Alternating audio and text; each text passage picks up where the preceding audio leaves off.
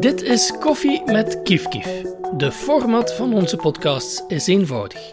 Een tas koffie, een interessante spreker en een boeiend gesprek over urgente maatschappelijke thema's. In deze aflevering gaan we dieper in op de zogeheten War on Drugs. Voor deze ene keer doen we dat ook met twee gasten, die ik afwisselend aan het woord zal laten. Hier is de eerste expert. Hallo, ik uh, noem mezelf nauwelijks expert, maar ik ben Peter Muizend en ik, heb het, uh, ik werk bij politie en ik heb ook een broer verloren aan drugs. Straks komt Peter weer aan bod wanneer ik hem onder andere zal vragen of het huidige Antwerpse drugsbeleid ook maar enigszins efficiënt is en of dat beleid niet heel wat sociale ongelijkheid bestendigt. Maar eerst ga ik over naar mijn volgende gast en haar persoonlijke ervaringen met dat beleid. Goeiedag, ik ben Els Vermees en ik ben de voorzitter van Trekt uw plant, een cannabis social club die al 12 jaar bestaat in Antwerpen. Een Cannabis Social Club is een organisatie die zorg draagt voor de productie en de verdeling van cannabis. Per lid wordt op elk moment één plant gekweekt, zodat men om de twee à drie maanden de oogst kan komen halen. Op die manier tracht trekt uw plant een goed geregeld, veilig en transparant systeem uit te werken voor de verspreiding van cannabis. Ze doen dat zowel voor de recreatieve gebruikers als voor de mensen die er om medische redenen mee aan de slag gaan. Wat dat medische betreft staat het wetenschappelijke onderzoek nog wat in de kinderschoenen, maar aan anekdotisch materiaal is er geen gebrek. Ook Els kan daarover mee vertellen. Wij weten in ieder geval van uh, heel persoonlijke ervaringen van leden van ons, die bijvoorbeeld in plaats van 32 epilepsieaanvallen er maar twee hebben. Wel, ik denk dat de kwaliteit van het leven dan wel serieus verbetert. Maar er, er waren de laatste tijd in de, in de media, vond ik zelf, opvallend veel berichtgevingen over dat er toch weer een, een, grote stijging is van mensen met problemen die opgenomen worden in uh, ja. rehabilitatieklinieken ja. enzovoort, uh, omwille van hun cannabisprobleem. Voor mij was dat opvallend, omdat we spreken in dezelfde periode dat, dat net cannabis in veel staten in de VS gelegaliseerd wordt, dat in Canada gelegaliseerd wordt, en dan krijgen we hier alarmberichten. Hoe moet ik het een aan het ander koppelen? Oh ja, kijk, ik denk dat... Ja, hoe moet ik het zeggen? Hmm. Ik denk dat België niet goed weet wat ze ermee moeten doen. En ze hebben er een beetje schrik van. Wij hebben het gevoel dat iedereen een beetje te bang is voor dat aan te raken. En, en waarom is men zo terughoudend om het aan te pakken? Want uiteindelijk, ik zal eerst een andere vraag stellen. Hoeveel mensen in Vlaanderen of in België gebruiken cannabis? Meer dan 400.000. 400.000 in Vlaanderen? Ja. Dat is de schatting? Ja. Dat is op, op een goede 5 miljoen, 6 miljoen, zoiets. Dat is behoorlijk waar. Ja. ja. En wij voelen dat ook. Hè. Wij krijgen elke dag. Terwijl het er in het groot op onze website spijtig genoeg staat. Sorry, wij zitten vol. Ja. Ik zal het anders zeggen. Moesten wij iedereen toelaten die, wij, die een aanvraag doet om lid te worden, dan zaten wij nu met een club van duizend, 2000 mensen? Gemakkelijk. Waar zit dan nog de issue als er zo... het is, normatief is het misschien nog niet, maar het is zodanig... Ze zouden er ook veel belastingen mee kunnen ja, opteren. Ja. Ik, ik, weet niet of dat die dat beseffen, die mensen, hè, maar dat zou kunnen. Hè. Ja, maar ik dacht dat dat ook een van de redenen was waarom dat is zo gestaan in Amerika. In Amerika betalen ze er al de scholen van en alles. Hè. Dus die mensen zijn er kei gelukkig. Dat, dat brengt alleen maar goeds mee. Maar ja, hier, ik, dat blijft... Ja, ik, ik, ik durf het bijna niet zeggen, maar een beetje het bekrompen denken, sorry. Mm. De, de, en wetende dat dat niet meer terug kan gedraaid worden en dat dat toch is, komt, vind ik dat heel spijtig dat daar niemand niet zegt van oké, okay, weet je, we kunnen dat niet tegenhouden, dat gaat toch komen. Laat ons dat nu in een goed kader gieten. Het is een heel dubbel iets. Hè? Dus een ja. bekrompen geest aan de ene kant erover, aan de andere kant zoveel mensen die het gebruiken. Mm -hmm. Tegelijkertijd heerst er zo een eigenaardig stigma rond. En dan hebben we ook weer een gedoogbeleid. Hoe zit dat nu ook qua legaliteit en, en hoe gaat de politie daarmee om? Mocht je nu cannabis op zak hebben voor nee. persoonlijk gebruik? Of hoe zit dat nu precies? Eh, normaal gezien mocht je niet meer dan 3 gram op zak hebben, maar niet gebruiken. Dus als je tegenhouden, de kans zit er nog altijd in dat ze het gewoon afpakken. Tot 3 gram thuis gebruiken, niet in openbaarheid, echt privé, privé, geen overlast. En dan kan het, als je dat echt thuis, maar dan ook zonder kinderen onder de...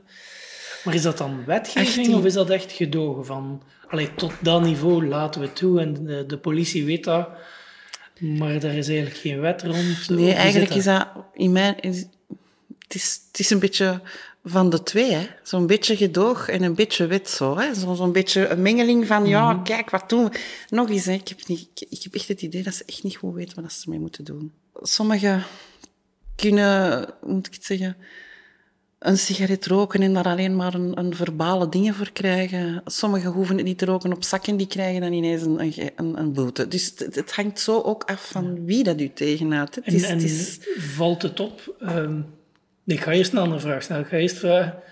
Is er een profiel van de cannabisgebruiker in België? Ik vermoed van niet, maar Nee. ik ga toch niet je vragen. ik kan u met eerlijkheid zeggen dat wij elk beroep hebben als lid. Maar dan ook elk. beroep. Goed, dus dat hebben we niet, maar valt het dan op dat degenen die geviseerd worden om gecontroleerd te worden, Ja. bepaalde profielen Ja, spijtig genoeg. En wie zijn dat dan? dat zijn ook... Hier in Antwerpen zelf zijn dat meestal gekleurde mensen, omdat ze ervan uitgaan dat dat eh illegale zijn.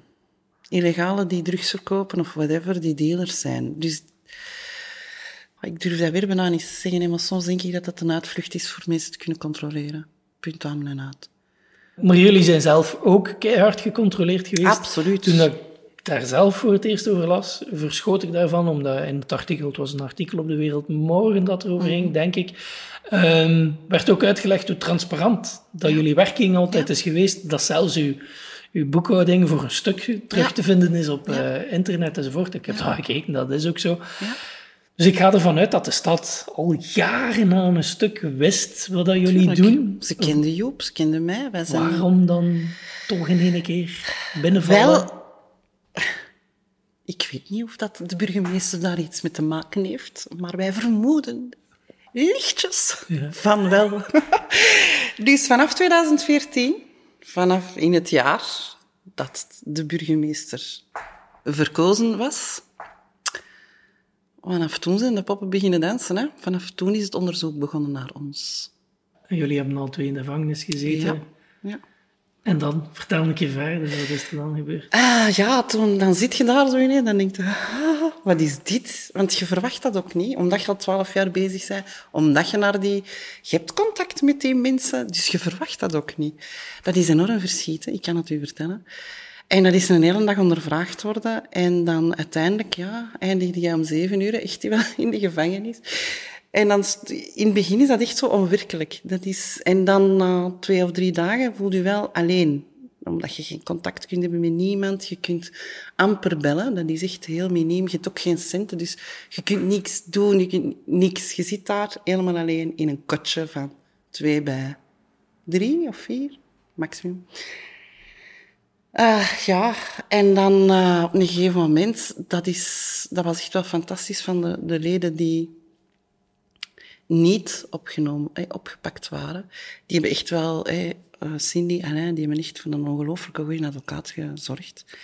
En tegen dat die binnenkwam, had hij gezien dat er dus enorm veel volk aan het gerechtsgebouw stond. Wij hebben dat nooit gezien. Wij zitten in de kelder en wij komen met de lift naar boven en wij zien niemand niet. Maar hij kon mij dat vertellen. Er staat, ik weet niet hoeveel volk achter jullie. Je maakt een debat teweeg. En toen, ja, toen was, was de miserie eigenlijk gedaan. Want dat gaf een enorme kracht. Wetende dat zoveel mensen, zelfs mensen die je niet kent, mensen die zelfs niet blowen, het toch heel onrechtvaardig vonden wat er gebeurde, ja, dat gaf mij de kracht voor nog eens drie keer zwart te vechten, natuurlijk. Hè. Dus dat, dat is, de mensen weten niet hoe, hoe krachtig en hoe, hoe dankbaar dat ik daar ook voor ben. Hoe moet ik dat nu zeggen? Die hebben mij recht gehouden. Die hebben er echt voor gezorgd dat ik echt in de rechtbank heb gezegd, nee, ik geef dat niet af. Ik wil blijven voortdoen. Ik kan die mensen niet in de steek laten. Als zij er niet waren geweest, ik zit hier voor u in alle eerlijkheid. Ik weet niet of dat ik dat ge, ge, ja, zou Denk je dat hebben. al die steun ook geholpen heeft om u dan zo snel weer, allee, snel, om u dan weer vrij te laten? Een keer dat voorkwam? Ik kan, bijna, ik, kan, ik kan dat niet anders denken als zo, ja. Omdat ineens, ik zeg het, wij hebben dat allemaal achteraf. Vrienden hebben dat dan bijgehouden voor ons. Al hetgeen dat er werd gepubliceerd. Dat is een halve fotoalbum, hè. Ja, dan krijg je toch wel heel sterk de indruk dat ook die mensen daarvoor gezorgd hebben dat het in het nieuws kwam. Dat, het, dat er een debat, een debat, eindelijk een debat. En ik zeg het toen ik, dat ik dan thuis was en ik zag op ATV dat het over trekt uw plant drama ging, ja, dan begint dat allemaal te tintelen natuurlijk. Want dan denkt je, oké, oké, er zitten partijen, oké, ja, Ja. ja, ja, ja. Maar eh, het zal zeker geholpen hebben voor eh, u weer naar huis te laten gaan, hè, want het proces is nog niet afgelopen. Nee, nee, nee. eh, Maar we mochten wel voortdoen. Ja, dat op ja. zich al was, was, Dat ja, dat was een groot, eh, dat was ongelooflijk. En wat kan er nu nog gebeuren als... eh, Ze kunnen, ons, ze kunnen ons een boete geven dat we financieel gekraakt worden. Nu, dat zou dan zijn omdat we geen belastingen hebben betaald. En al goed dat we ooit een aanvraag hebben gedaan om belastingen te mogen betalen. Waar dat we een dikke niet op hebben gekregen, dat zo gezegd niet mocht. omdat het niet mocht. Dus ik vind dat toch een goed papier voor in handen te hebben. Om dan te vechten tegen. Dat zou dan nog wel weer straf zijn. Hè? Je Ja. hebt uw belastingen niet betaald, hè, maar we hebben ze wel betaald. Ja, maar mocht ze niet betalen. En Ja. dus hebben ze... Ja.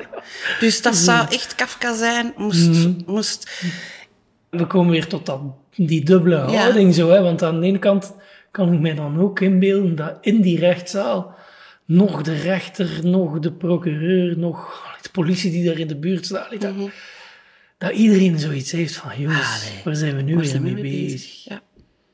ja. Ik heb opmerkingen gehad van politieagenten. De twee zouden er niet mee stoppen. En iemand anders, die, die- ik vroeg van, ja, mag ik al opstappen? Dat was een busje dat ons, hè, geketend, dan terug naar de gevangenis reed als je naar het gerechtsgebouw moet. En die zei tegen mij, jij, jij mag alles. Dus ik, het was continu, zat je in wit-zwart, wit. Je wist ook niet wie... Dat was, he- ja, Ze zijn naar die. Dus je, merkte in de politie zelf een heel dubbele houding ten opzichte Ik weet van... nog dat wij er, dat wij er eh, stonden beneden en, dat- en dat we zeiden, ja, ze, zijn, ze moeten blijven. Dat al die politie, wat? Moeten die blijven? Wat? Ja. Dus dat was dan beneden onder het gerechtsgebouw. Ja, want politie kent direct uw plant al jaren, Sanne. Die hebben zelfs op gegeven momenten een kweker. Dus ze hebben dat, die, die had planten in de hof staan. Zijn buurman heeft dat eh, gemeld aan de politie. Ze is naar binnen gevallen. Die had dat nodig, medicijn. Maakte zelf zijn medicijn. En dan heeft hij echt gevraagd, ja, maar ja, ik heb dat nodig. Wat kan ik dan doen, voordat dat toch een beetje legaal is? En dat ik, eh, dat ik, ik, wil me, ik wil gerust... Ik wil alles doen, als het maar mag. Ah, dan moet je naar het rectuplant gaan. Dus de politie had mensen naar ons gestuurd. Ik, echt. Dat is... Straf. Ja. En dan toch zoveel jaar En dan later. een jaar, van- een jaar jaar later. Om- van het Omdat de politie is dezelfde politie van tien jaar geleden. Tuurlijk. Maar in het schoon verdiep zijn het niet dezelfde als tien jaar geleden. Hè. Dit lijkt een goed moment om terug over te gaan naar Peter en samen met hem een aantal facetten van het Antwerpse drugsbeleid onder de loep te nemen.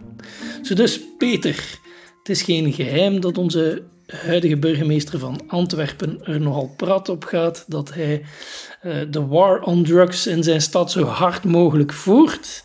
En ook in deze verkiezingsperiode is veiligheid voor zijn partij opnieuw een bijzonder belangrijk thema. Dat werd eh, meteen duidelijk toen dat hij begin september voor ophef zorgde door de oppositie te beschuldigen van banden met drugshandelaren.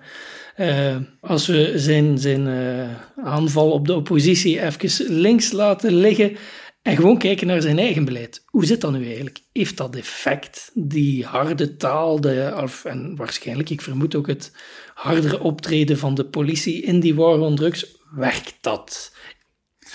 Eh, eerst en vooral, ik werk niet in het korps van Antwerpen. Ik heb hier lang gewerkt, maar ik heb eh, enkele jaren geleden ben ik eh, vertrokken naar een andere zone. Ik werk nog altijd bij de lokale politie, maar niet meer in de lokale politiezone Antwerpen. En ik probeer mij wat te onthouden van commentaar over het Antwerpse drugsbeleid. Omdat elk lokaal bestuur heeft zijn eigen beleid. Dat wordt bepaald in de zonale veiligheidsraad en daar worden de accenten gelegd enzovoort. Dat geldt voor onze zone ook. Ehm, wat ik wel doe, is internationaal spreken over het internationale drugsbeleid en hoe dat, dat dan ook vertaald wordt in een lokale setting, wat daar de eventuele gevolgen van kunnen zijn. En waar dat wij eigenlijk voor, um, waar we niet voor pleiten, is gewoon, we, willen de mensen informeren over de negatieve gevolgen van prohibitie. Prohibitie heeft de ambitie om zowel de vraag als het aanbod uit te roeien. Dus dat is ook zo letterlijk in de internationale verdragen ingeschreven, dat wij eigenlijk een drugsvrije wereld willen nastreven en dat we daardoor werkelijk het evil moeten bestrijden, het kwade moeten bestrijden. Dat staat in het uh, enkelvoudig verdrag van 61. Dus dat is op zich al opmerkelijk. Als je het, het loutere gebruik van roesmiddelen, wat des mensen is, hè, mensen, mensen gebruiken roesmiddelen sinds mensenheugenis, als je dat plots via een wettelijk kader gaat beschouwen als het kwade, en daar dan vooral handhaving en repressie tegenover stelt, dan kan je niet anders dan verwachten dat daar negatieve gevolgen aan of bij gepaard gaan. En een van die negatieve gevolgen is dat je een criminele wereld gaat organiseren. Aangezien dat de vraag naar roesmiddelen wereldwijd elk jaar stijgt, wellicht ook omdat mensen gewoon generationele wezens zijn en af en toe eens een keer de roes opzoeken om te ontspannen. En als je dat dan via een aantal producten gaat verbieden, dan creëer je gewoon een criminele wereld. Dat is een van de dingen die ook de Verenigde Naties hebben vastgesteld in 2008. In hun jaarverslag staat er voor de eerste keer zwart op wit. Wij erkennen een van de negatieve gevolgen, met name de creatie van een criminele onderwereld. Maar wat jij dus eigenlijk zegt, is dat dat omgekeerd is. Het is niet dat het beleid niet alleen niet werkt, maar dat het repressiebeleid eigenlijk zelfs de criminaliteit doet ontstaan. Ja, er is geen illegale drankenhandel, om maar iets te zeggen. Dat zal er misschien wel zijn, maar dat is een marginaal verschijnsel. En u zal wellicht uw drank niet kopen bij een illegale dealer. U zal dat kopen in de winkel. En wil dat zeggen dat we alcoholgebruik goedkeuren? We keuren het ook niet af, maar we erkennen ook dat daar risico's aan verbonden zijn. En dat moet je doen voor alle roesmiddelen. Los van het feit dat je een criminele wereld organiseert door bepaalde producten te gaan verbieden, kom je in een realiteit dat bepaalde natuurlijke producten, bijvoorbeeld cannabis, bijvoorbeeld opium enzovoort, door het verbod worden vervangen door producten die veel straffer zijn, die synthetisch worden aangemaakt en waar dan niemand nog weet wat er eigenlijk in zit. Fentanyl is, een, is een, een van de grootste doodsoorzaken in de Verenigde Staten en Canada op dit moment en wordt gebruikt om heroïne, maar ook cocaïne en MDMA, ecstasy, te versnijden. Dat wil dus zeggen dat jij een relatief onschuldige pil wil nemen op een festival en we keuren dat niet goed. We zouden moeten gewoon zeggen van dat is gevaarlijk, of dat, is, dat heeft bepaalde risico's. Denk goed na voordat je ermee begint. Maar we gaan ervan uit dat u MDMA gaat slikken. Wel nu, er zit ook fentanyl in en u sterft. Heel eenvoudig. U weet niet wat dat erin zit. En dat is nu net een van de gevolgen van prohibitie. Daarom is het de verantwoordelijkheid van de overheid om dat over te nemen en dat te reguleren, om daar regels voor te bepalen, om te weten wat er in de handel mag verkocht worden en wat niet, en dergelijke meer. Net zoals je dat doet met legale roesmiddelen. Ja, wat, ik, wat ik ook las in uh, onderzoeken, uh, niet alleen die producten worden verfijnd of anders gemaakt enzovoort, uh, en, en gevaarlijker, met andere woorden, maar je kunt er ook meer mee verdienen met de handel zelf, hoe meer dat er repressief wordt opgetreden. Dus je roept het niet alleen in, in het leven, maar hoe meer dat je dan blijft inzetten op je repressie, blijkt uit internationaal onderzoek dat, dat er eigenlijk alleen maar de misdadigers, bij wijze van spreken, uh, beter meemaakt. Ja, klopt. Je marktaandeel stijgt en de schaarste van het, van, van het segment van mensen die het gaan aanbieden, hè, als je in een bepaalde sector heel repressief gaat werken, zal het wel eens kunnen dat inderdaad het aantal dealers operationeel in die specifieke sector zal dalen. Dat wil, dat wil zeggen dat het marktaandeel van die, die overblijvers enorm zal stijgen. Dat wil zeggen dat ook veel harder zal voor geknokt worden om dat marktaandeel te bewaken en te beveiligen. En dus zorgt dat voor meer geweld en, en, enzovoort. Um, maar een goed drugsbeleid zou dan, hè, stel dat die repressie zou werken, dan zou je kunnen vermoeden dat het druggebruik zal dalen op termijn. Want dat is denk ik toch de ambitie van. Wel nu, dat blijkt niet te kloppen. Teruggebruik stijgt elk jaar opnieuw. Maar het teruggebruik op zich mag, wat ons betreft, eigenlijk lichtjes stijgen. Want waarschijnlijk zijn er heel veel mensen die nu alcohol gebruiken, maar op het moment dat cannabis zou gelegaliseerd worden, die overstappen op cannabis en veel minder alcohol gaan gebruiken. Dus je moet eigenlijk het roesmiddelengebruik in zijn totaliteit bekijken. Hoeveel roesmiddelen en alcohol en tabak zijn roesmiddelen, of dat we dat willen of niet, of dat we dat nu verheffen tot cultureel erfgoed of niet. Het blijven roesmiddelen. En alcohol is de, is de schadelijkste drug van allemaal. Maar je zal zien, ja, absoluut, absoluut. Men, we willen dat niet horen, we steken onze kop in het zand, dat is cultureel erfgoed, we gaan toch niet heiliger zijn dan de paus, een pintje moet toch kunnen, enzovoort, enzovoort. Alcohol, louter objectief bekeken, is veel schadelijker dan cannabis, en cannabis is, is schadelijker dan bijvoorbeeld MDMA. Het is natuurlijk al langer geweten dat cannabis op bepaalde vlakken minder gevaarlijk is dan alcohol. Aan Els vroeg ik voor de zekerheid toch nog even specifiek hoe dat precies zit met het gevaar op overdosis bij cannabis. Want overdosissen, dat is iets waar heel veel mensen spontaan schrik van hebben wanneer ze aan illegale drugs denken. Dit heeft het enorm mooi verwoord. Waarom steun ik de legalisering van cannabis? Omdat je van cannabis niet kunt sterven en van al de rest wel. En hoe komt dat eigenlijk als je te veel cannabis pakt? Spuwt het dan gewoon uit? Als je een overdosis cannabis wilt consumeren, moet je 16 kilo roken. En ik kan u verzekeren... 16 16 kilo. Ik weet niet... Voor de, voor de luisteraar die er niet veel van weet, wat zit er in een gemiddelde joint? 1 gram. ja, voilà. Schitterend. Ik, 16 ik- kilo. ik vermoed dat zelfs de strafste, sterkste mens toch wel na, ik kan nu echt overdrijven, maximaal 10, 12 joints. Ah, dat moet echt al ongelooflijk ja, sterk van mind en geest en lichaam zijn. Maar die valt in slaap. hè. En dan kun je hier een joint niet meer rollen. En dan denk ik ook, maar jongens, ah, waar zijn we mee bezig? Hè? Waar zijn we mee bezig?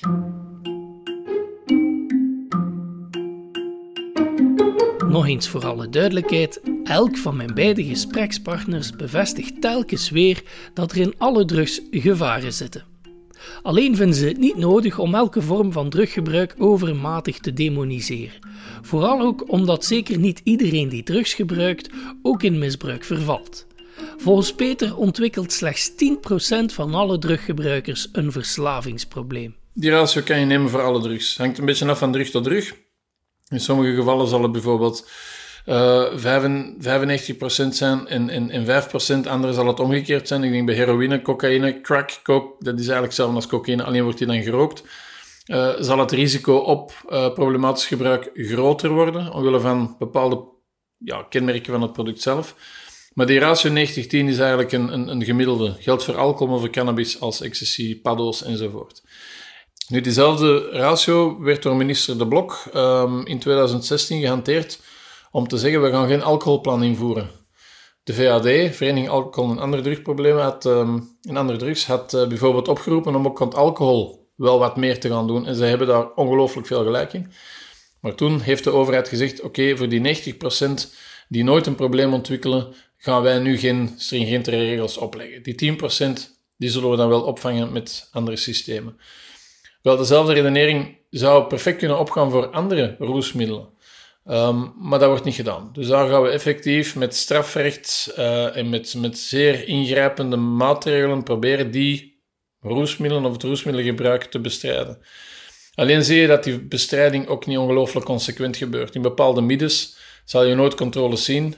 En andere middes, vooral de armere mensen die vooral de straat, de publieke ruimte moeten gebruiken om zich te bevoorraden, daar zal vooral die repressie Daar wil op... ik eh, straks dieper op ingaan, maar toch nog één vraag rond de, de problematiek van, van het illegaal te maken, terwijl dat iets natuurlijk is dat iedereen gebruikt en, en dat op andere manieren eh, oplosbaar is als er problemen mee ontstaan.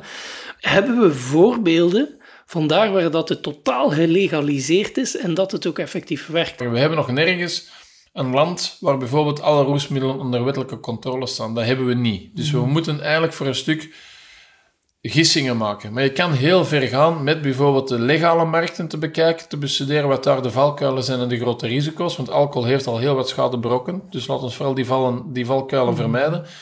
Maar je kan ook kijken naar hoe dat bepaalde illegale drugs perfect legaal worden gemaakt. Er is een legaal circuit van heroïne, van cocaïne, van al die producten die wij hier voor recreatieve doeleinden gebruiken. Er is een legale markt, want de internationale verdragen staan die toe voor medische en wetenschappelijke doeleinden. Kan dus perfect. Nu, voorbeelden die er zijn wereldwijd is bijvoorbeeld Uruguay. Uruguay heeft nu alles wat cannabis betreft uh, van de voordeur tot en met de achterdeur volledig gelegaliseerd. En daar kan je dus cannabis kopen bij de apothekers uh, aan een heel schappelijke prijs. En het, is, um, het heeft heel wat voeten in de aarde gehad, maar Uruguay is nu het eerste land Uh, samen met dan nog een aantal Amerikaanse staten. Maar Uruguay is het eerste land dat het, het volledig heeft gelegaliseerd. En het is misschien nog wat vroeg om evaluaties te, maken. Maar je ziet wel in alle landen waar eigenlijk de strafwetten zijn geliberaliseerd, gedownsized, dat het gebruik daalt. Heel vreemd. Men zou vermoeden dat het omgekeerd is, maar het gebruik is gedaald. En ander heeft te maken met de redenen waarom mensen drugs gebruiken. En dat wordt heel vaak niet opgenomen in het debat. Mensen gebruiken initieel drugs om zich te ontspannen in het weekend na een, na een drukke werkweek. Maar van zodra dat, problematisch gebruik zich manifesteert, is dat heel vaak om andere problemen te camoufleren. Is het niet zo dat bepaalde mensen met bepaalde problematiek, ik zeg maar armoede, dat daar dan ook bepaalde vormen van drugs voorkomen en dat die dan misschien gemakkelijker geviseerd wordt? En ik denk specifiek aan cannabis en de link die dan altijd gelegd wordt met cannabishandel in Borgerhout enzovoort. Dus daar krijg je twee dingen samen. Ja. Waar dat je etnisch-cultureel uh, viseert in je drugsbeleid of in je retoriek er rond. En eigenlijk ook sociaal-economisch, ehm, aangezien dat diezelfde groep sociaal-economisch meer achtergesteld is dan andere groepen. Is dat zo? Is dat niet zo? zo dat gele, hoe zit dat in soorten gebruik, wat dat er geviseerd wordt door de politie en uh, sociaal-economische situatie van de mensen? Ik denk dat het gebruik van roesmiddelen eigenlijk helemaal niks te maken heeft met, zeker niet in Vlaanderen hè, of, of in België, dat, dat die socio-economische groep of culturele groep meer dat middel gebruikt dan, dan anderen. Heeft dat te maken met kleur, met, met, met opleiding, met, met professie? Ik weet het niet. Ik denk dat dat gewoon te maken heeft met de context enzovoort. Wat dat je wel ziet, is dat bepaalde mensen die bijvoorbeeld minder kans nemen op de arbeidsmarkt, ja, die, die kunnen natuurlijk wel een aardige cent verdienen door roesmiddelen te gaan verhandelen, omdat er opnieuw die grote markt is. Bovendien zijn sommige mensen vatbaar voor het grote geld, status, identiteit. Als je die niet kan krijgen in de, in de legale markt, via het normale circuit, omdat je bijvoorbeeld minder kansen krijgt op de arbeidsmarkt, dan is dat een manier om toch een bepaalde status, een bepaalde identiteit te ontwikkelen. Ehm, je ziet hetzelfde bijvoorbeeld bij radicalisering. Als jij voldoende context hebt en een netwerk uh, en een opleiding en een goed job of een goed lief, wij zeggen soms is de beste therapie is een goed lief. Um, dan is de neiging of de trend naar grensoverschrijdend gedrag, noem radicalisering of gewelddadige radicalisering of het, het, het, verhandelen van drugs, is kleiner omdat je netwerk hebt en je hebt te veel te verliezen. Als jij die dingen niet meer te verliezen hebt, ja, waarom zou je het dan nog hè, laten? Wat vind je dan van zo die uitspraken waarin dat Borgerhout eigenlijk systematisch eraan gelinkt wordt? Want ik veronderstel dat het gebruik in Borgerhout nu ook niet specifiek hoger ligt. Maar ligt het verhandelen werkelijk hoger in een wijk gelijk Borgerhout dan in andere wijken? Ik geloof dat niet. Ik, uh, ik, ik denk... Voor, voor mijn boek heb ik een aantal mensen geïnterviewd. Mensen die redelijk wat cocaïne hebben gebruikt. Zelfs ook problematisch, maar ook niet per se problematisch. Gewoon die, die cocaïne hebben gebruikt. En als je wat middelen hebt, dan, dan wordt er verhandeld via sms. Dan wordt het geleverd aan huis. Uh, als je die middelen niet hebt, dan zoek je het openbaar domein op om een dealer te vinden. Dus um, opnieuw geldt hetzelfde. Als je de middelen hebt, dan heb je manieren om aan die drugs te geraken die wellicht vakkundig aan het oog van politie zullen ontsnappen, terwijl anderen die luxe niet hebben. Het Europese Waarnemingscentrum monitort wel jaarlijks, of op bepaalde momenten in het jaar, het afvalwater en kijkt dan naar de sporen van cocaïne. Um, Antwerpen scoort altijd top 3 Soms dat top 1, soms top 3, het hangt er wat vanaf van het moment. Maar hier wordt serieus wat cocaïne door de, wellicht vooral door de neus gehaald. Um, en dat is niet enkel mensen uit Burgerhout. Dat is een heel brede laag van de bevolking die dat doet. En wellicht zijn er ook heel veel mensen die gewoon in het weekend hier komen feesten, die zelfs in Antwerpen niet eens wonen, maar die wel mee de oorzaak zijn van de, het terugvinden van hoge sporen van cocaïne in het afvalwater. Maar als de burgemeester zo'n uitspraak doet, waarin dat hij dan ook, uh, bijvoorbeeld, wat heeft hij nu letterlijk gezegd, ik geloof van, ja, en dat zijn dan diezelfde cannabisbendes die zich dan hebben professionaliseren of zoiets tot uh, een soort van drugskartels rond cocaïne. Is dat waar? Is daar iets van? Dat, is, een letterlijke scène uit de film Patser. Hè, want daar zie je dus dat effectief cannabis plots uh, veranderd wordt in cocaïne. Ik, ik, vermoed dat dat kan. Um, ik vermoed dat, uh, dat er inderdaad bepaalde netwerken, zijn dat nu families of zijn dat gewoon clans of zijn dat, zijn dat netwerken van, Dat die zich verrijken op basis uh, met, met het verhandelen van illegale drugs, natuurlijk. Dat is, zolang dat er prohibitie is, zal dat er zijn, omdat die vraag zo groot is. Dus ik, ik, allee, ik, ik kan geen uitspraken doen over het feit dat dat in Borgerhout, per se in Borgerhout zo is. Ik geloof dat niet. Ik heb... Um, ik denk dat, het, dat er evenveel witte dealers zijn dan bruine dealers. Um, maar ik blijf het herhalen. Heb je het gevoel dat die bruine dealers meer worden opgepakt? Dat er een ethnic profiling is als het over drugsbeleid gaat? ik denk dat we er ook niet onnozel over moeten doen. Ik denk dat dat bij politie speelt. Ik denk als je... Bijvoorbeeld Engeland heeft dat onderzocht. Eh, zwarte mensen worden zes keer meer gecontroleerd dan witte mensen voor drugsfeiten. Of op basis van verdachtmakingen rond drugs. Um, en bij Chinezen was dat dan twee of drie keer meer. Aziaten. Dus als dat in Engeland zo is, waar dat dan toch de community policing uitgevonden is, zal dat wellicht hier ook wel zo zijn. Ook al ontkennen we dat in alle toonaarden, ik ben er zeker van dat mensen met een kleur in bepaalde wijken meer gecontroleerd worden dan andere mensen in andere wijken. Als een burgemeester zo'n straffe uitspraken doet, heel specifieke wijken, heel specifieke bevolkingsgroepen viseert, als de zo'n dingen zegt over zijn drugsbeleid, over een drugsbeleid dat nota bene niet werkt, eh, eigenlijk dat je daar straks hebt uitgelegd, Moeten we dan niet gewoon besluiten dat dit puur een soort van electoraal machismo is, waarin dat je twee dingen tegelijk doet. Aan de ene kant kun je jezelf voorstellen als de grote voorvechter van veiligheid en de sterke man en sterke leider, dat soort retoriek dat je achterban graag hoort, en tegelijkertijd een heel specifieke bevolkingsgroep viseren en criminaliseren. En dat dat dus eigenlijk totaal los staat van enig wetenschappelijk besef over wat een drugsbeleid zou moeten zijn, een pure manier is om electoraal te scoren? Um, ik, dat zou kunnen. Ik laat het in het midden, hè, want ik, ik, moet, ik ben nog altijd wel een politieman, dus ik moet ook altijd opletten wat ik zeg. Um, maar angst is een goed middel voor politici. En in, in de Verenigde Staten zie je dat ook, republikeinen of democraten, ongeacht de politieke achterban, niemand wou soft, of soft on crime zijn. En de ergste was eigenlijk Clinton.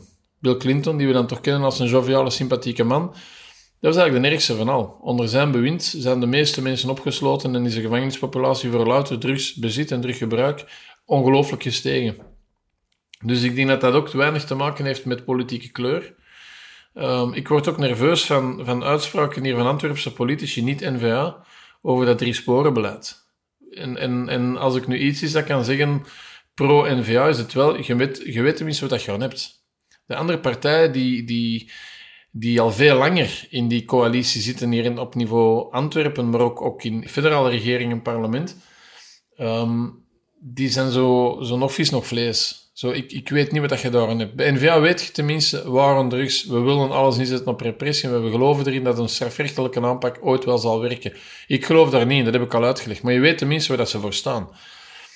Wat je bij de andere partijen echt niet hebt. Echt niet. En, en niemand durft daar stelling in nemen. Terwijl ze, ik ze denk durven van, ook niet zeggen, we gaan voor legalisering, Nee, want daar nee, denken nee. ze electoraal niets mee te Ja. kunnen winnen. Dus wat is het dan wel? Maar De dat is- finale is toch repressie. Eigenlijk komt het daarop neer. Eigenlijk blijven ze allemaal hetzelfde zeggen.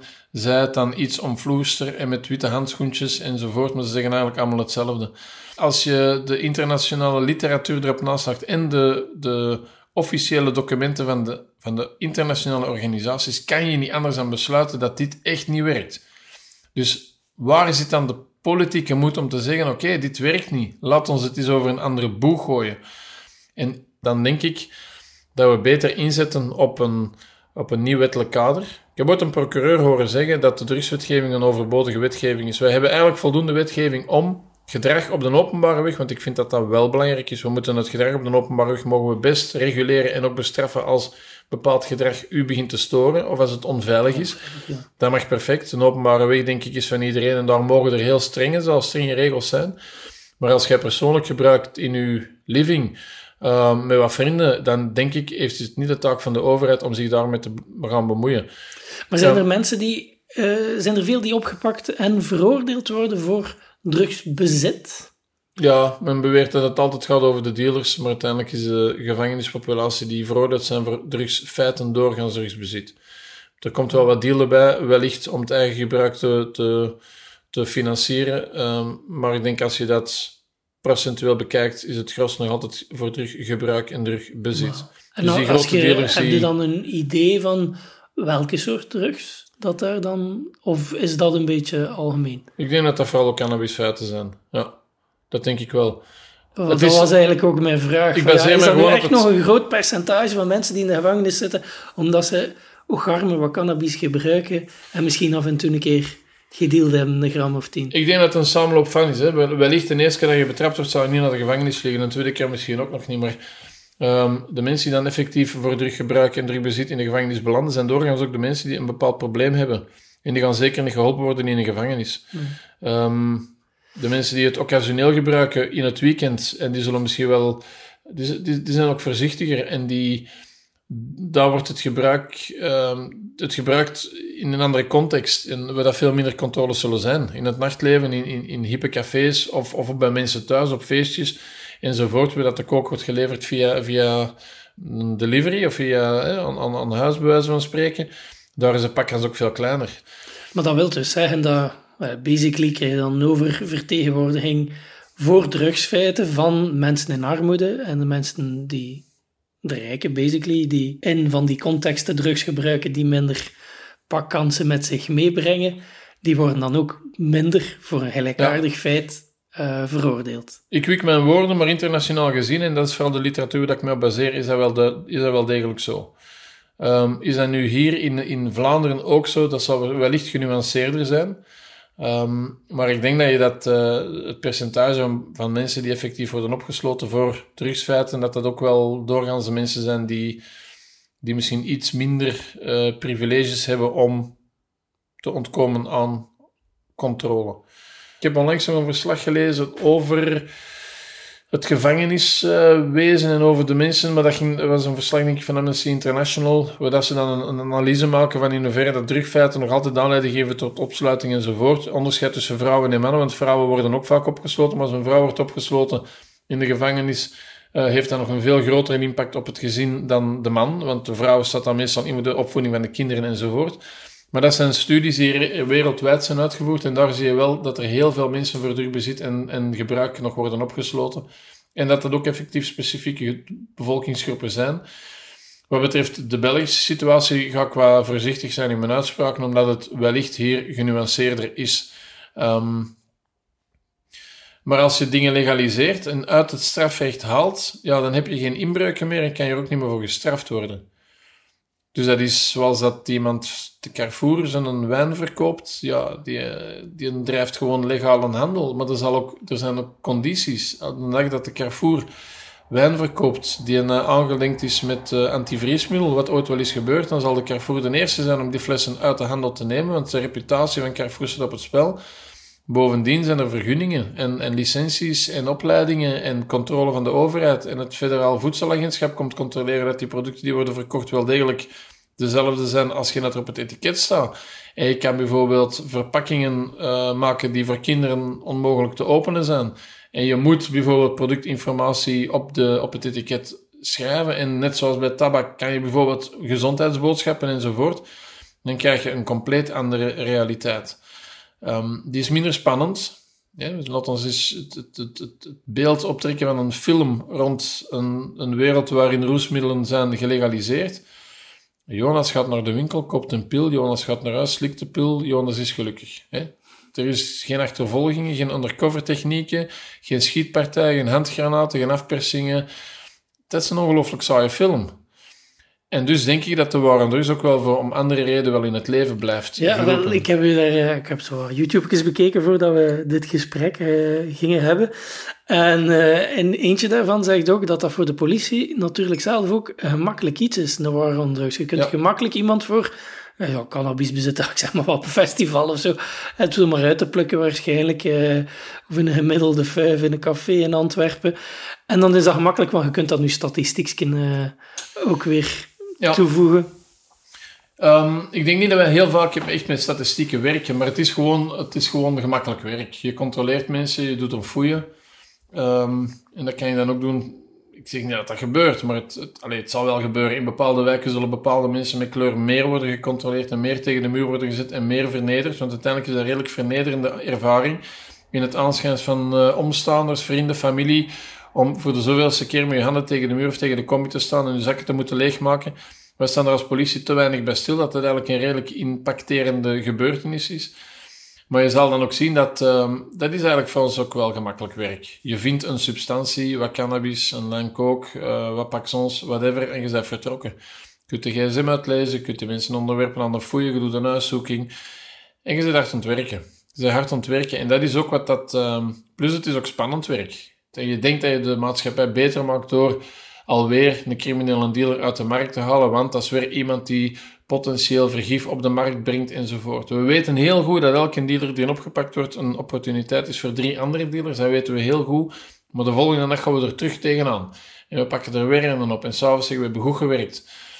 Maar het werkt eigenlijk niet. We maken het probleem complexer, gevaarlijker enzovoort. Maar daar staan we die bij stil. Maar men moet dat toch weten, zowel politieke beleid als het beleid van de politie. Dan, ze weten dat toch. het soort cijfers dat je aanhaalt, het soort feiten dat je aanhaalt.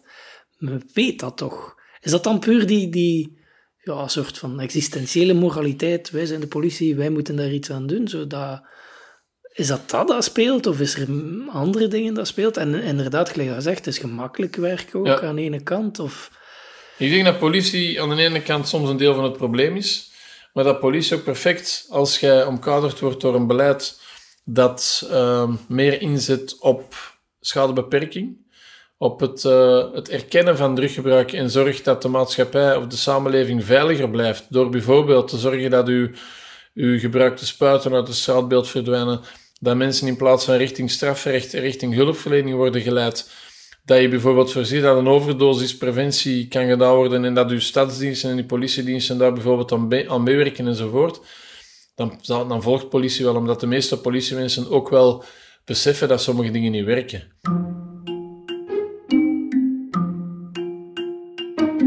De boodschap van Peter is duidelijk. Hij pleit voor een totale legalisering van drugs, waarbij de overheid goede regelgeving voorziet, de controle bewaart over de drugsproducten en bijstand biedt voor wie een drugprobleem ontwikkelt. Ik vroeg me eigenlijk wel af hoe Els naar dat voorstel kijkt. Ik moet dat eerlijk zeggen, ik heb schrik van al wat dat zwaarder is als cannabis. Ik heb daar een nergens schrik van. Voilà. Maar inderdaad, als dat gecontroleerd is en als dat in een kader zit die mensen die dat dan willen gebruiken, die er geen schrik van hebben, die dat wel kunnen combineren met hun leven, juist als dat onze leden dat met cannabis kunnen, waarom niet? Als het niet gelegaliseerd wordt, gaat de criminaliteit altijd blijven. Altijd. Daar is veel te veel geld mee verdiend. En de mensen die veel geld willen verdienen, hebben niet per se altijd de passie van dat product in hun hart. Daarom is een social club ook zo belangrijk voor onze jeugd. Als je zonen hebt of, of dochters, krak hetzelfde. Als je kinderen hebt en die zijn op zoek, ja, en die komen terecht bij een social club, daar gaan die alleen maar cannabis. De voordelen, de nadelen, wat moeten doen, pas op voor dit. Je kunt dat zo doen, je kunt dat zo consumeren, je kunt dat met een vappel doen, dat zijn de voor- de nadelen. Maar die krijgen daar niet, maar hier is ook kook, of weet je wat, ik heb nu heroïne bij, of MD weet ik veel en A weet ik veel, wat allemaal. nee, dit is gewoon cannabis. Het is zelfs nog geen hash. Het is gewoon cannabis. Dus dat blijft secure. Niemand van ons komt in aanraking met dat milieu. Het tegenargument is vaak van ja, maar eh, softdrugs leidt naar harddrugs enzovoort. Is daar enig wetenschappelijk Wel, bewijs van voor? al onze leden, wij hebben er nu 300, nog geen ene gezien including myself, die van joint Indies een spaat zitten of zo. Dat is echt, dat is echt een verhaaltje om de mensen bang te maken. Hè. Hetgeen dat ik ook heb meegegeven toen, uh, want wij praten dikwijls met eh, professoren in universiteiten, uh, dat er heel, alle mensen die bij ons binnenkomen, die zijn ongelooflijk opgelucht. Dat is echt, Oef, ik ben niet alleen. Ah, nee, ik ben niet alleen. Ah, zie je wel, ik ben geen crimineel. Want dat zijn eigenlijk ook allemaal geen, zijn gewone mensen. Van elke leeftijd, van elk... Hoe moet ik het zeggen? Van, van alle origines en met alle soorten jobs. Dus die voelen hun hij, hij. en ik moet niet meer gelijk een crimineel naar daar of naar daar rijden met dan de, de kans voor opgepakt te worden of tegengehouden worden of whatever allemaal. Dus het, de eerste emotie die wij krijgen, dus die, de, degene die de intakegesprekken houden, bij nieuwe leden, dat is gewoon opluchting, immense opluchting. Maar dan voor de toekomst, want een van de dingen waar ik zelf al een beetje over gelezen heb, maar nu, dat zijn moeilijke dingen omdat, omdat je daar vaak uh, neigt naar conspiracy theories, niet helemaal, maar er zijn ook weinig concrete bewijzen, ik zal het zo mhm. zeggen weinig smoking guns. Maar er wordt wel al eens gezegd dat de legalisatiebeweging in de VS en zo vaak gesteund wordt, juist door bedrijven, al la Monsanto, nu niet per se Monsanto zelf, maar dat soort uh, biotech-bedrijven en, en farmabedrijven. En ik heb daar ook wel wat schrik van. Dan een keer dat overal gelegaliseerd raakt, dat je dan dat groot kapitaal weer binnenkomt en zegt, en nu is het van ons en uh, we maken nog wat aanpassingen in de wet. Wij mogen het maken, maar jullie niet. We weten wel dat het onkruid is, maar nu en of mag het niet en het mag alleen maar bij ons industrieel geproduceerd Ik denk dat ze daarom in België een boek hebben, ges hebben geschreven voor cannabis social clubs. Om... Ik heb het gevoel dat België niet ineens met coffeeshops wil beginnen. Ze hebben er enorm veel schrik van. En een cannabis social club is een is een, een, een dicht gegeven. Ik bedoel, er, mm niet iedereen, of, of, niet de toeristen, niet iedereen kan daar zo, dat is, dat is, een, dat is al een beetje gecontroleerd. Ja, en ik, ik, als in België, dan zal het eerste social club zijn. En dan misschien een aantal jaren later dan nog een heel, weer een ander gevecht van andere mensen. Want en denkt u dan dat die social clubs of het systeem ervan ervoor kan zorgen dat dat dan het ook in de handen van de mensen zal houden en dat dat dan niet dat, overgedragen Dat was onze bedoeling. Daarom is dit, vonden wij dit systeem zo prachtig. We zullen er alles aan doen voor dat zo te verkrijgen. Maar kunnen wij vechten tegen gigantisch veel geld? Ik weet het niet. Dat, dat, is, dat ligt dan in de, in de handen van de wet. Degene die de wetten maken. Mm. Dus die, ik hoop dat die er goed over nadenken. Maar het feit dat er bij ons in België een boek echt specifiek over cannabis reguleren hoe in social clubs, dat stemt mij enorm vreugdevol. In het geval van cannabis kunnen de social clubs dus zeker als een voorbeeld dienen om de legalisering van cannabis van een wettelijk kader en een goede regelgeving te voorzien. Maar ook voor andere drugs kunnen we in België al eerste experimenten opmerken. In Luik bijvoorbeeld werd de eerste gebruikersruimte voor heroïnomanen geopend. Het stadsbestuur wil op die manier een oplossing bieden voor het acute probleem van een grote groep die in de openbare ruimte drugs gebruikten. Peter steunt dat initiatief. Je kunt er allemaal heel schertsend over doen, het is maar een junk enzovoort. Elke junk is de zoon of de dochter van iemand. Hè? Die zijn niet geboren als junk. Dat waren ooit mensen die in de armen van ouders werden gehouden, geknuffeld en waar dat iedereen waarschijnlijk een andere toekomst voor, ogen had. Maar die worden op een bepaald moment in een situatie gebracht die ze zelf ook niet willen. Nu, die junks uh, hebben ook recht op veiligheid en gezondheid. Dat zijn grondrechten, ingebed in Europese, het Europees uh, Verdrag voor de Rechten van de Mens enzovoort. Uh, iedereen moet vrij zijn van foltering. Nu, als je iemand oppakt, in een cel opsluit en dan cold turkey laat afkicken, dan valt dat denk ik al onder de noemer van, van, van foltering. Nu, Luik heeft dat begrepen en ook politie en justitie werken daar samen met het stadsbestuur om een antwoord te bieden op dat soort problemen. Binnen hetzelfde restrictieve kader dat de drugswet ons voorhoudt. Dus je kan perfect in overleg met alle partners oplossingen aanreiken zonder dat je daar het probleem moet vergroten. Brussel zien, is nu... zien ze daar al de resultaten of is dat nog wat Het is nog te vroeg, het is nog te vroeg. Maar um, alle Europese, er zijn 90 gebruikersruimtes wereldwijd, in, in, waarvan in acht Europese landen. Dus dat wil zeggen dat, um, en daar zijn alle, alle resultaten zijn positief. Het aantal overdoses, fatale overdoses is daar nul. Het uh, gebruik in en rond gebruikersruimte zal op termijn dalen, omdat je dan in een veilige omgeving kan beginnen inwerken of inpraten op mensen en zeggen van en mensen beseffen op een bepaald moment zelf al, dit is niet wat ik wil, ik wil hier vanaf. En je biedt een, een, een kader waarin mensen in alle rust en stilte, professioneel omkaderd, hun weg kunnen zoeken. Um, niks aan voordelen als je vanuit een mensgericht standpunt de problematiek benadert. Dus opnieuw een pleidooi voor netwerk en ondersteuning en, en ja, beide mensen. Ja, eigenlijk, dat is echt mensgerichte aanpak. Maar wel blij van, van toren dat er zo experimenten gebeuren. En dus wereldwijd ziet ook dat, in het geval van cannabis dan, dat er toch behoorlijk wat legaliseringen op gang komen. Hè, in Canada, in sommige staten, in, in de VS en zo. Denkt je dat we een soort van omslag hebben gemaakt? Want voor een stuk, gelijk dat ook zegt, in de war on drugs wordt het, uh, werd door Amerika nogal wereldwijd aangevoerd. Um, nu dat in Amerika ten, tenminste voor dan dat ene product cannabis toch wel een kentering ziet, denk je dat dat ook zijn effect gaat hebben? Of gaat dat nog heel lang duren eer dat uw eigen ideaal van een, uh, een totaal legalisering, of laat ons nu maar zeggen, een legalisering van cannabis om mee te beginnen, dat dat zou kunnen komen? Ik denk dat we binnen 15 jaar gaan terugkijken naar deze tijd en zeggen van waar waren we in godsnaam mee bezig?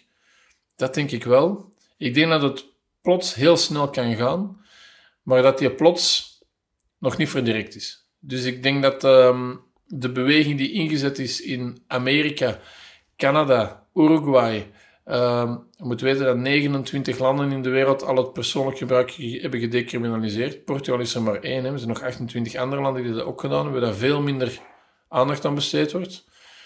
Um, maar die zijn er al wel.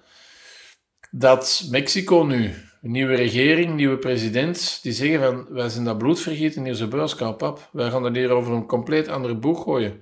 En ik denk dat je Mexico in toog moet houden. Ik heb, um, als wij spreken in, in, voor de Verenigde Naties, ken ik iemand, een Mexicaanse activiste, die ook deel uitmaakt van de officiële delegatie, die er heel actief in bezig is.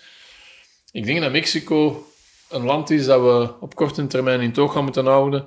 Net zoals bijvoorbeeld Bolivie ooit uit de Verenigde Naties verdragscontext is gestapt om het gebruik van coca terug legaal te maken en dan terug is opgenomen. Hetzelfde als je ziet bij Colombia, waarbij dat dus het, uh, de rellen tussen de FARC en de, en de regeringstroepen enzovoort zijn ondertussen opgelost, waarbij dat de coca-productie voor een stuk ook diende om gewapende groeperingen te financieren.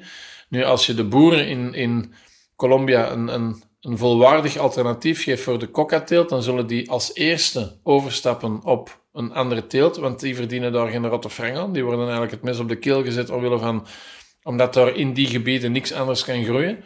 Nu, los daarvan denk ik, als we in ons systeem kunnen we die boeren vooral hun coca best laten telen en dan die coca-planten naar een legaal fabriek laten overbrengen, waar dat dus de cocaïne wordt ge geëxtraheerd en dan die in de handel wordt, wordt gebracht. En afhankelijk van het product verhoogt we een drempel om het om, om eraan te komen. Hè. Dus die verhalen van de supermarkt en alles is te kopen in de supermarkt, dat is, ik, dat is, dat is kwatsch. Hè. Dat uh, de prohibitionisten gebruiken dat heel graag als argumenten om iedereen bang te maken. Angst is hè, het middel. Dat is het niet. Dat is het niet. Je moet drempels inbouwen, je moet leeftijdsgrenzen enzovoort. Enfin, ik, ik bespaar de details, maar je kan heel goede modellen ontwikkelen die, die het, uh, de drugsmarkt gaan, gaan, gaan reguleren. Ja. Je hebt het al een paar keer gezegd, een mensgericht beleid, dat hebben wij nodig, geen een oorlog. Dat denk ik toch ook wel. Peter, heel erg bedankt. Graag gedaan. Dit was weer eens koffie met Kief Kief. Hopelijk konden we jouw aandacht tot hier vasthouden, omdat je het, net als ik, interessant en boeiend vond. Mocht dat inderdaad zo zijn, dan vinden we het natuurlijk fantastisch als je dat laat blijken door ons wat deugdoende sterretjes te geven in het programma waarmee je podcasts beluistert. Zo kan Koffie met Kief Kief ook wat gemakkelijker door anderen gevonden worden. Wil je gewoon op de hoogte blijven van onze volgende podcasts, dan klik je maar op subscribe. En als je graag voorstellen wil doen voor thema's of personen die in een volgende aflevering aan bod moeten komen, dan kan je me altijd mailen via jonas.kiefkief.be. Vrede en alle goeds en tot de volgende.